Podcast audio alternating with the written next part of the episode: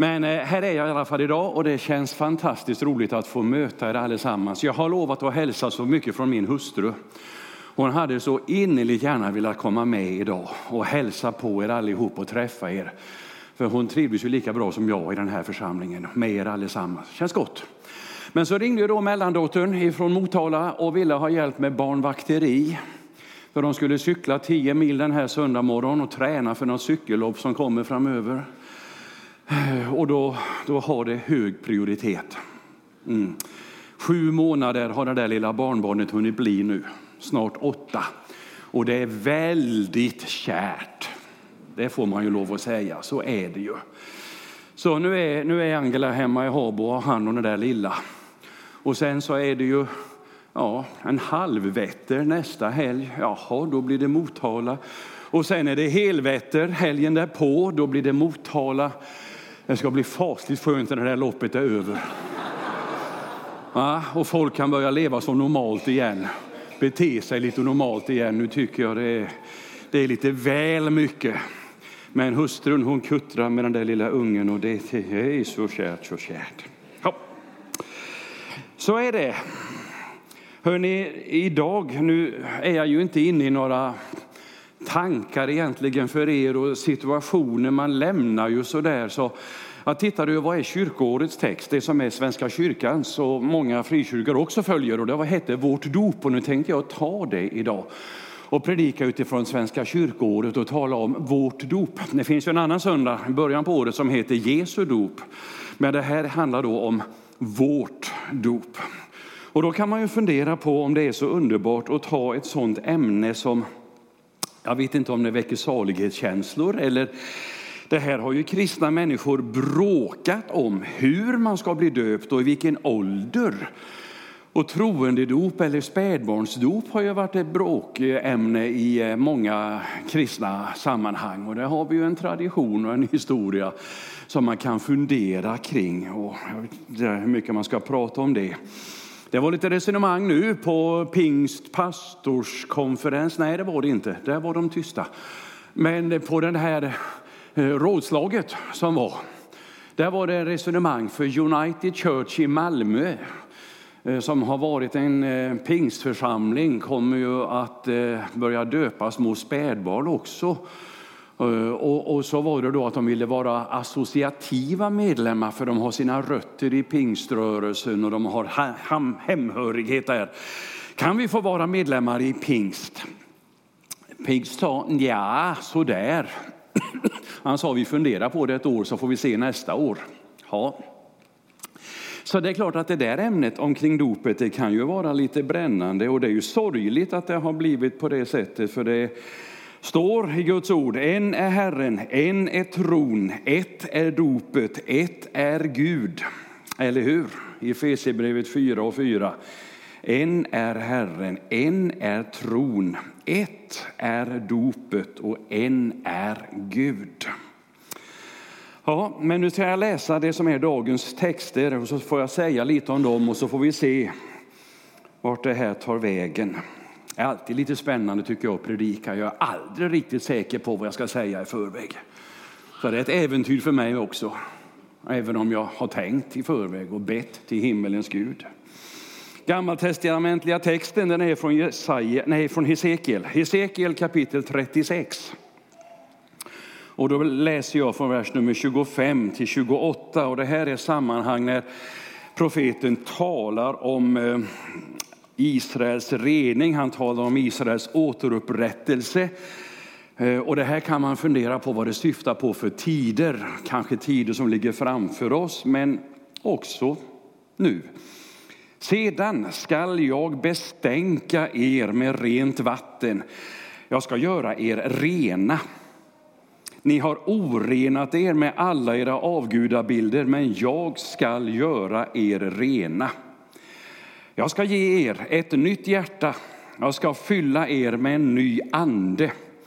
Jag ska ta bort stenhjärtat ur kroppen på er. Jag ska ge er ett hjärta av kött. Med min egen ande ska jag fylla er. Och jag ska se till att ni följer mina bud och håller er till mina stadgar och lever efter dem.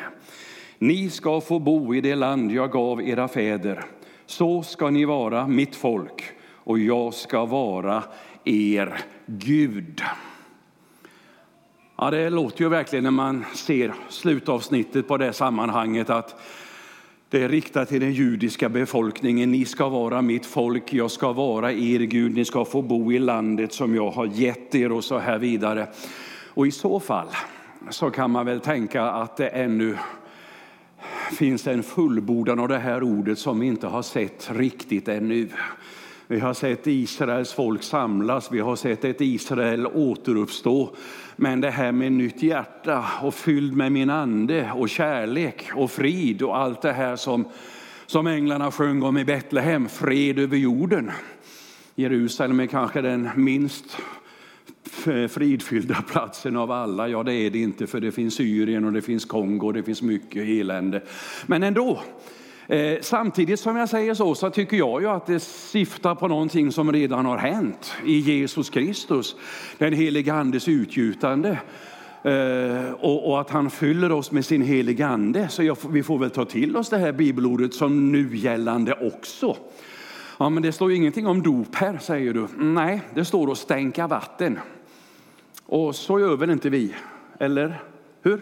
Här har ni en dopgrav, ni doppar ner människor här och begraver på det mycket tydliga och eh, säkerligen ursprungsbibliska sättet att man doppas ner i vatten och man återuppstår för att leva det nya livet. Stänka står det inte så jättemycket om, men ska man säga någonting om det så det finns ju de som använder det. Stänkning sådär lite grann. Det finns något som heter vigvatten i vissa kyrkliga sammanhang. Man har en liten skål med vatten. En del har det framför ett kors de har på väggen och så kan man doppa fingret i det där och så kan man teckna kors på sig och så säger man det här är för mig en påminnelse om att jag är döpt i vatten, jag tillhör Kristus.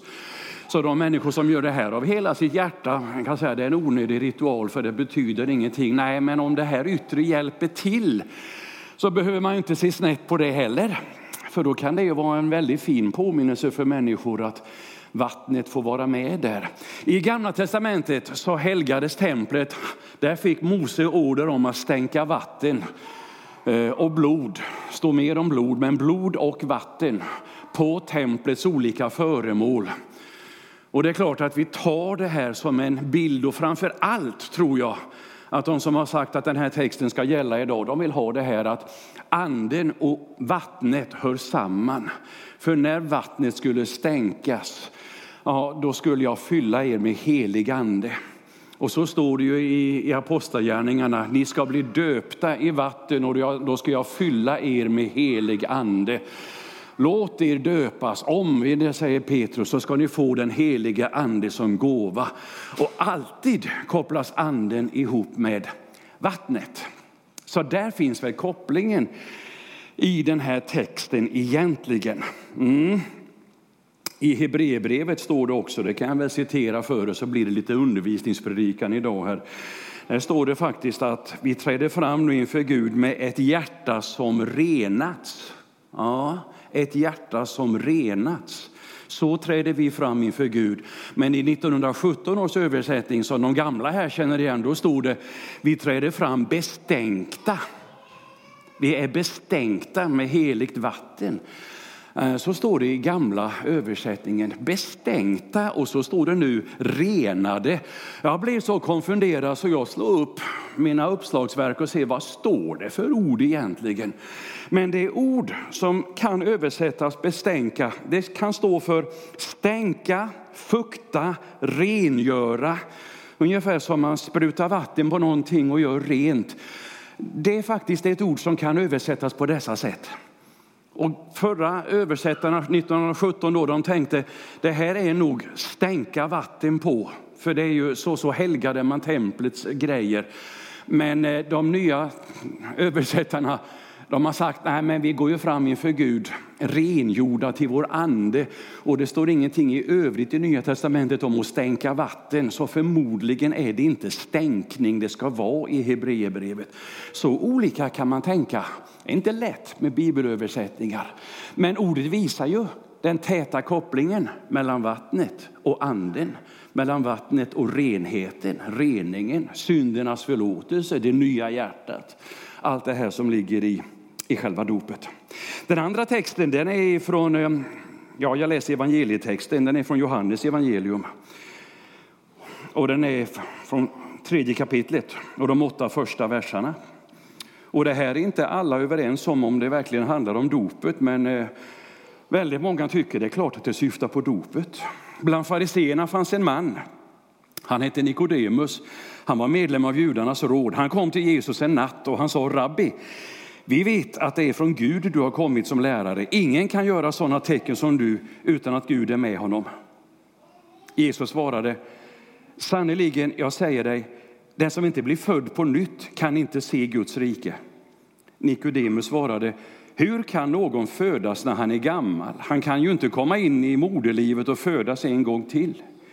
Jesus svarade honom, sannerligen jag säger dig, den som inte blir född av vatten och ande kan inte komma in i Guds rike. Det som är fött av kött är kött, det som är fötts av ande är ande. Var inte förvånad över att jag sa att ni måste födas på nytt. Vinden blåser vart den vill, du hör den blåsa, du vet inte varifrån den kommer eller vart den far. Så är det med var och en som har fötts av anden. Jag gillar det här bibelordet.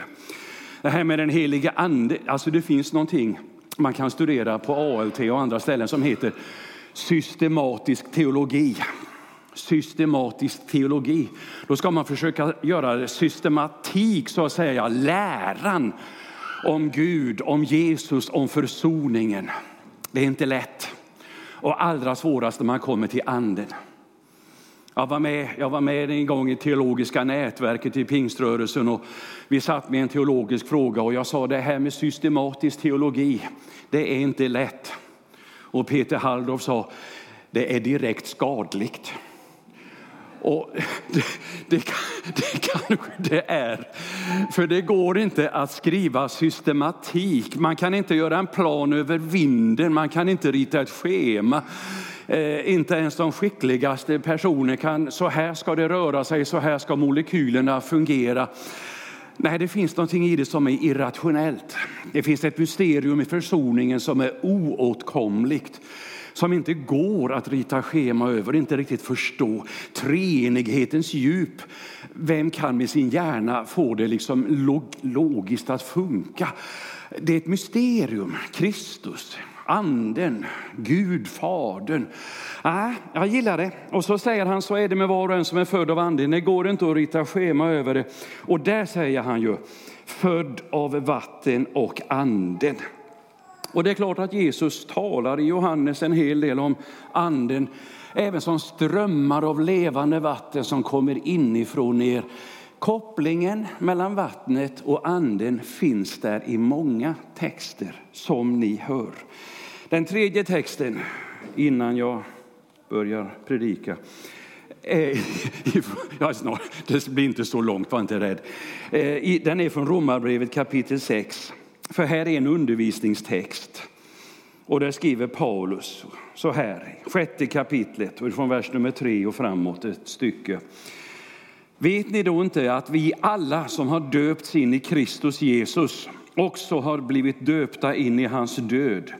Genom dopet har vi dött och blivit begravda med honom för att också vi ska leva ett nytt liv så som Kristus uppväcktes från de döda eh, så, eh, från de döda genom Faderns härlighet.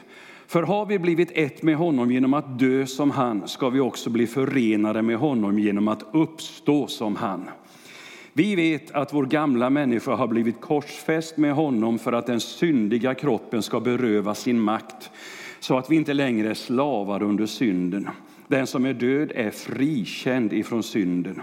Och när vi nu har dött med Kristus är vår tro att vi också ska leva med honom.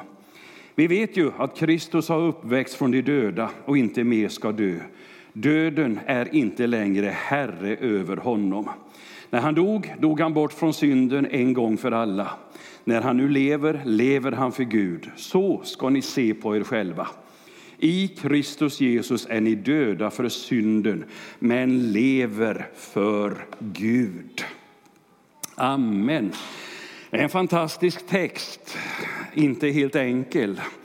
När det står uppstå som han i vers nummer 5 så tror en del att det syftar på eh, återkomsten och detta att vi ska leva i evighet med Kristus. Sannolikt syftade inte på det, för ni ser ju sen när han manglar på i sin text. Kristus har ju redan uppstått och vi är redan levande gjorda med honom. Eh, vi lever redan det nya livet. Så det är väl det det syftar på. Vi kristna är egentligen de enda som har vår död och begravning bakom oss. Vi är redan döda och begravda. Det som ligger framför oss det är livet. Nu ska jag inte förringa själva den fysiska döden och skilsmässan det är från nära och kära och ensamheten människor upplever när någon går ifrån en. Den här smärtsamma som återstår, det finns ju där. Men på ett annat plan så tycker jag det är vackert när man säger att det som människor kallar dödsdag, det är den himmelska födelsedagen. Det är när du kliver in i en annan värld, när portarna öppnas till ett liv som är rikare, djupare, evigt förblivande, annorlunda än det här. Om man skulle träna sig att inte för mycket tänka på döden bara som skilsmässan, men som den stora återföreningen. För här nere finns alltid skilsmässan kvar, där finns ingen skilsmässa längre. Det svåra vill jag inte springa förbi, jag vill inte låtsas att det inte finns där, men jag vill ändå med eftertryck säga, du är död med Kristus, du har uppstått med Jesus, du har din död bakom dig, det är livet som ligger framför dig. Ett liv fritt ifrån smärta, elände, svårigheter och skilsmässor. Mm. Bråkar vi om dopet fortfarande?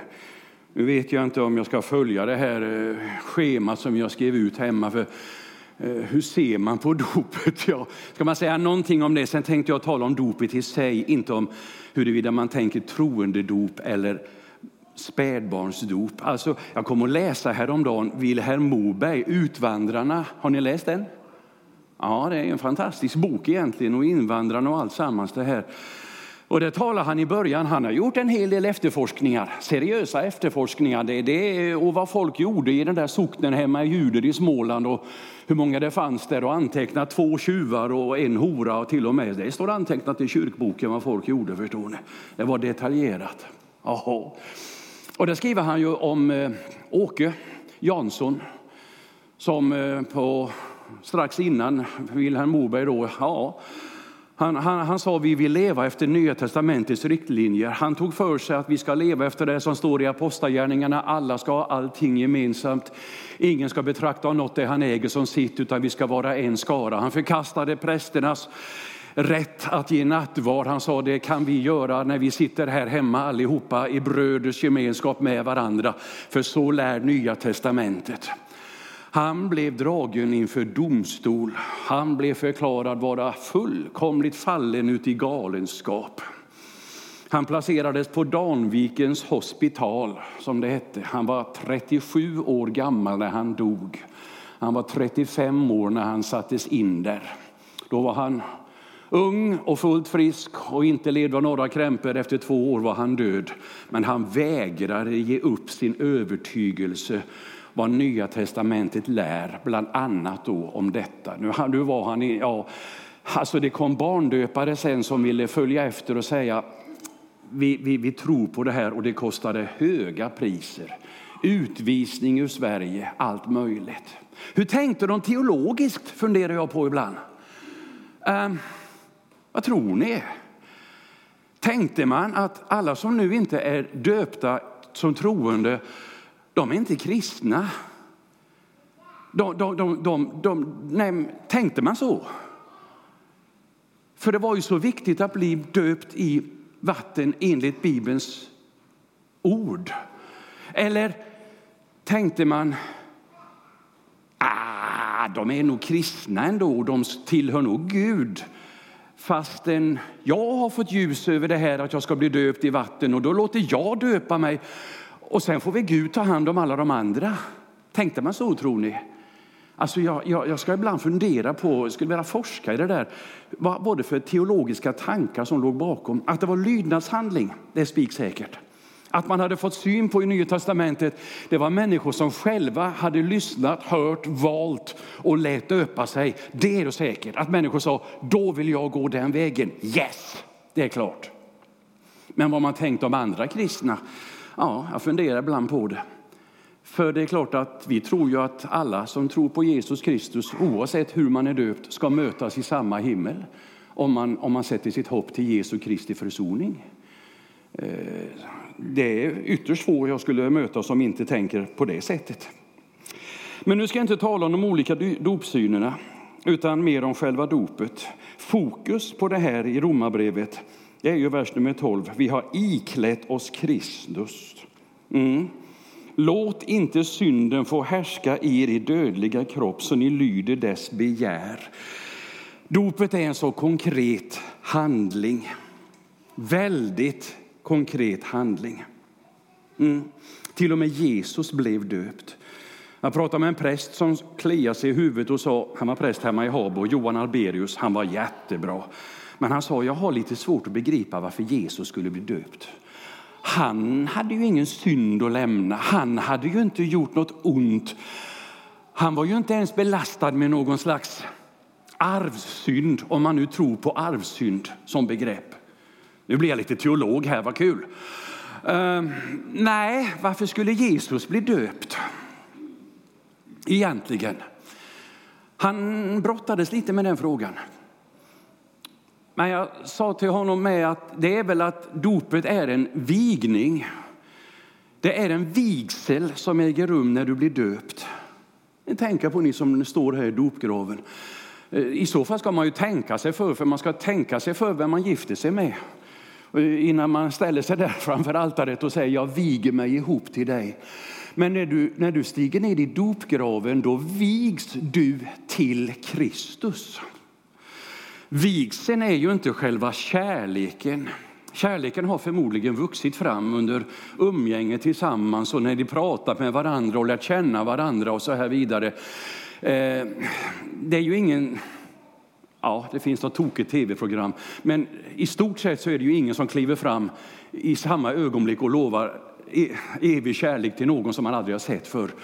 Utan det är ju, det är ju ändå ett beslut bekräftelsen av någonting som har vuxit fram. Ja, men så är det. Här är ett heligt beslut. Här är ett, här är ett tydligt tecken. Det är en vigselakt. Mm. Gladiatorerna i romarriket de tågade fram på arenan och lyfte sina händer i någonting som förmodligen liknade en nazisthälsning och så hälsade de kejsaren. Häll dig Caesar, det åt döden vigda hälsar dig. För de blev invigda med en rituell akt till att dö. Ytterst få gladiatorer överlevde. En och annan kunde bli benådad eh, ifall de hade klarat väldigt mycket strider. Men i princip så var det, det här är din invigning till döden. Du ska dö här. Det är åt döden vigda. Tänk så underbart att kunna säga, jag är till Kristus Jesus vigd. Jag tillhör Kristus Jesus. En som är vigd kan inte bli ovigd. En som är döpt kan inte bli odöpt. Det är bra. Präst, de vigs till att bli präst. De kan inte bli någonting annat heller. De är präster alltid. De kan leva så att de är ovärdiga sitt prästämbete. De kan förlora tron på Gud. Då kan de avkragas, som vi säger. Det vill säga, de förlorar rätten att utöva prästämbetet eller prästtjänsten. Men är de vigda kan de ju aldrig bli ovigda.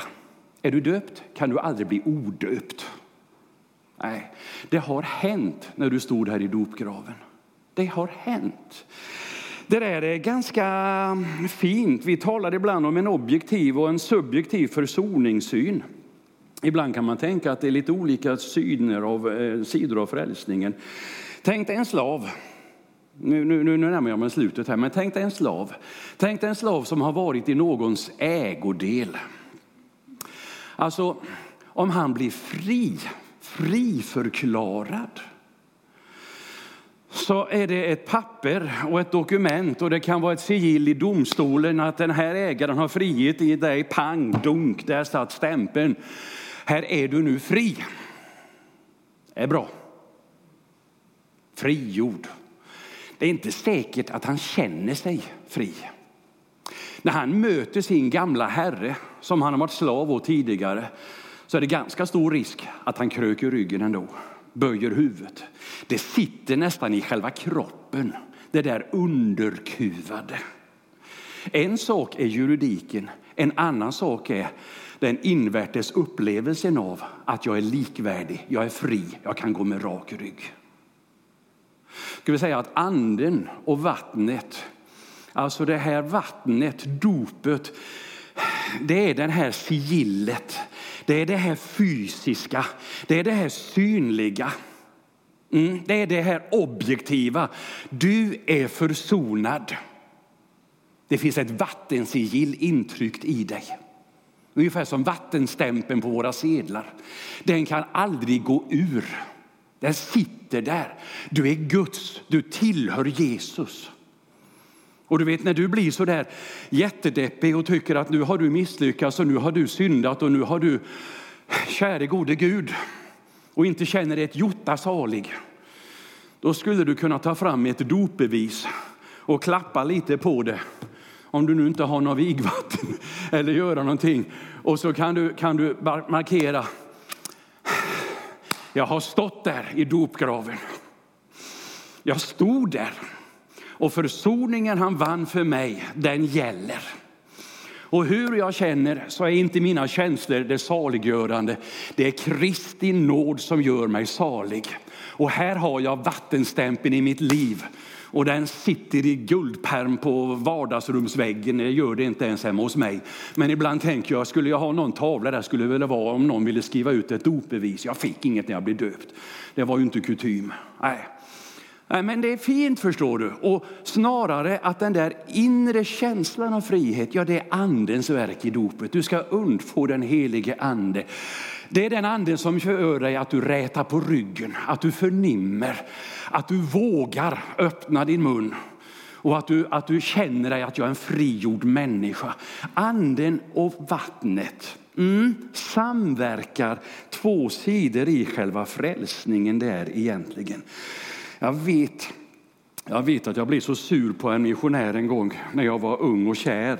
Jag var rysligt kär. Och han pratade om sitt äktenskap och då sa han så här. Ja, sa han.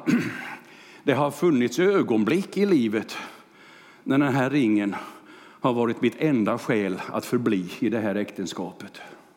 Han hade ett bra äktenskap, hade en god hustru mm, och de hade det fint tillsammans. Men det kom små svackor och det hade funnits svackor som var så djupa så han sa till mig några gånger har det här varit mitt enda skäl att förbli kvar. Ja, jag undrar om det kan vara så i frälsningen med. Att den enda, ibland har man känt sig så nedtryckt så det enda skäl att vara kvar, det har varit att öppna byrålådan och se, här ligger det, jag är döpt, då tillhör jag Kristus, alltså går jag till kyrkan nu då. Ja, Ah, jag gillar det resoluta där. Jag gillar saligheten också. Jag gillar att lyfta händerna när vi prisar Gud. Jag gillar andens verk. Men vi behöver båda de här sidorna i vår frälsning. Och vattnet hör ihop med det där gränsdragandet, den objektiva. Ja, att bli döpt är att omslutas, förenas med. I eh, Röda havet blev ni alla döpta till Mose, skriver Paulus om Israels folk. De fick ju inte en droppe vatten på sig, säger Bibeln. Och ändå säger han, ni blir döpta till Mose. Ja, för vattnet slog igen bakom er och det fanns ingen väg tillbaka. Ni tillhörde nu Mose med hela ert liv. När du kliver upp ur dopgraven här finns det inget väg tillbaka. Du kan inte gå ner i dopgraven igen och bli odöpt. Du tillhör Kristus för tid och evighet. Det är klart att du kan falla i synd. Den risken har, därför står det vi ska arbeta på vår frälsning. För, för det är ingenting som på det sättet garanteras förrän vi stiger in i härligheten. Vi har en kamp att kämpa. Men det är en väldig styrka att vi har klivit ner i dopgraven och begravt det gamla livet med Kristus. Så gör det ifall du inte är döpt. Påminn dig ditt dop, du som är döpt. Lev i ditt dop. Höj trösklarna, skrev Magnus Malm i en artikel. Lägsta trösklarnas väg är inte den mest attraktiva. Och så citerar han en skildring från urkristen tid, ja inte Nya Testamentet. Där står det ju hur de döpte och det, det står inte mycket hur det gick till. Men ganska snart efteråt, när man fortfarande döpte då i, ja, doppa ner som ju var det urkristna metoden att döpa. Så var det ändå så att de skulle avsvärja sig djävulen och allt det onda. Mm gjorde de offentligt. Och så var det att de skulle svara på frågorna. Tror du på Gud Fader allsmäktig? Tror du på Jesus Kristus? Jajamän. Det var tydliggjort det här och så doppades de tre gånger, en för varje gång som de bekände där. Och sen smordes man med olja. Och sen skulle man få ta emot mjölk och honung eller bröd och vin. Mjölk och honung i början det var en symbol för att nu kliver du in i det löfteslandet. Och sen var det bröd och vin, det var omedelbar nattvardsfirande så att säga i samband med att någon blev döpt. Och sen skulle man klä sig i vita kläder och så skulle man gå i dem en vecka. Så det syntes för alla, jag är döpt. Ja, jag vet inte om man kan återuppliva alltihopa det här. Men jag skulle vilja ha bort det där att det är någonting skämsigt eller någonting som göms undan. Var stolt över att du är döpt. Var glad att du är döpt. Bekänn att du är döpt till Kristus. Lev i ditt dop. Det ligger en väldig styrka i det. Mm. Slutligen, jag läser Magnus Persson nu som försvarar olika dopsyner. Han säger så här. Ja, grunden för vårt dop är i alla fall inte bara vår egen vilja att bli döpt. Jag tror ju att det är det också. Att man ska vilja själv och bestämma. Jag ser ju det i Nya Testamentet. Men främst är det ju Jesu vilja att dö och uppstå. Där ligger den djupaste grunden och det är det dopet påminner om. Det är ingen magisk akt utan det påminner om jag är död och uppstånden med honom som verkligen dog och uppstod. Amen. Tack för att du har lyssnat till en undervisningspredikan som det här blev. Nu ber jag dig helige Ande att du ska lägga ditt ord i allas våra hjärtan, tankar och sinnen. Vi ber att den här dopgraven ska få öppnas många gånger och många människor ska fatta det här beslutet att vilja vigas till dig, överlåta sitt liv. Att det här hör ihop med anden. Vill man ha anden, ja då ska man låta döpa sig. Eh, och när vi blir döpta så ska vi få den helige ande. Vi ska vara fria därför att du har gjort oss fria. Herre, vi är fria juridiskt, vi är friköpta, vi är verkligen återlösta, men vi är också frigjorda rent andligt inifrån vårt hjärtas djup. Och vi kan lyfta våra händer och tillbedja dig och känna att, att dig tillhör jag med allt vad jag är och har. Herre, vi ber och vi tackar dig i Jesu namn. Amen.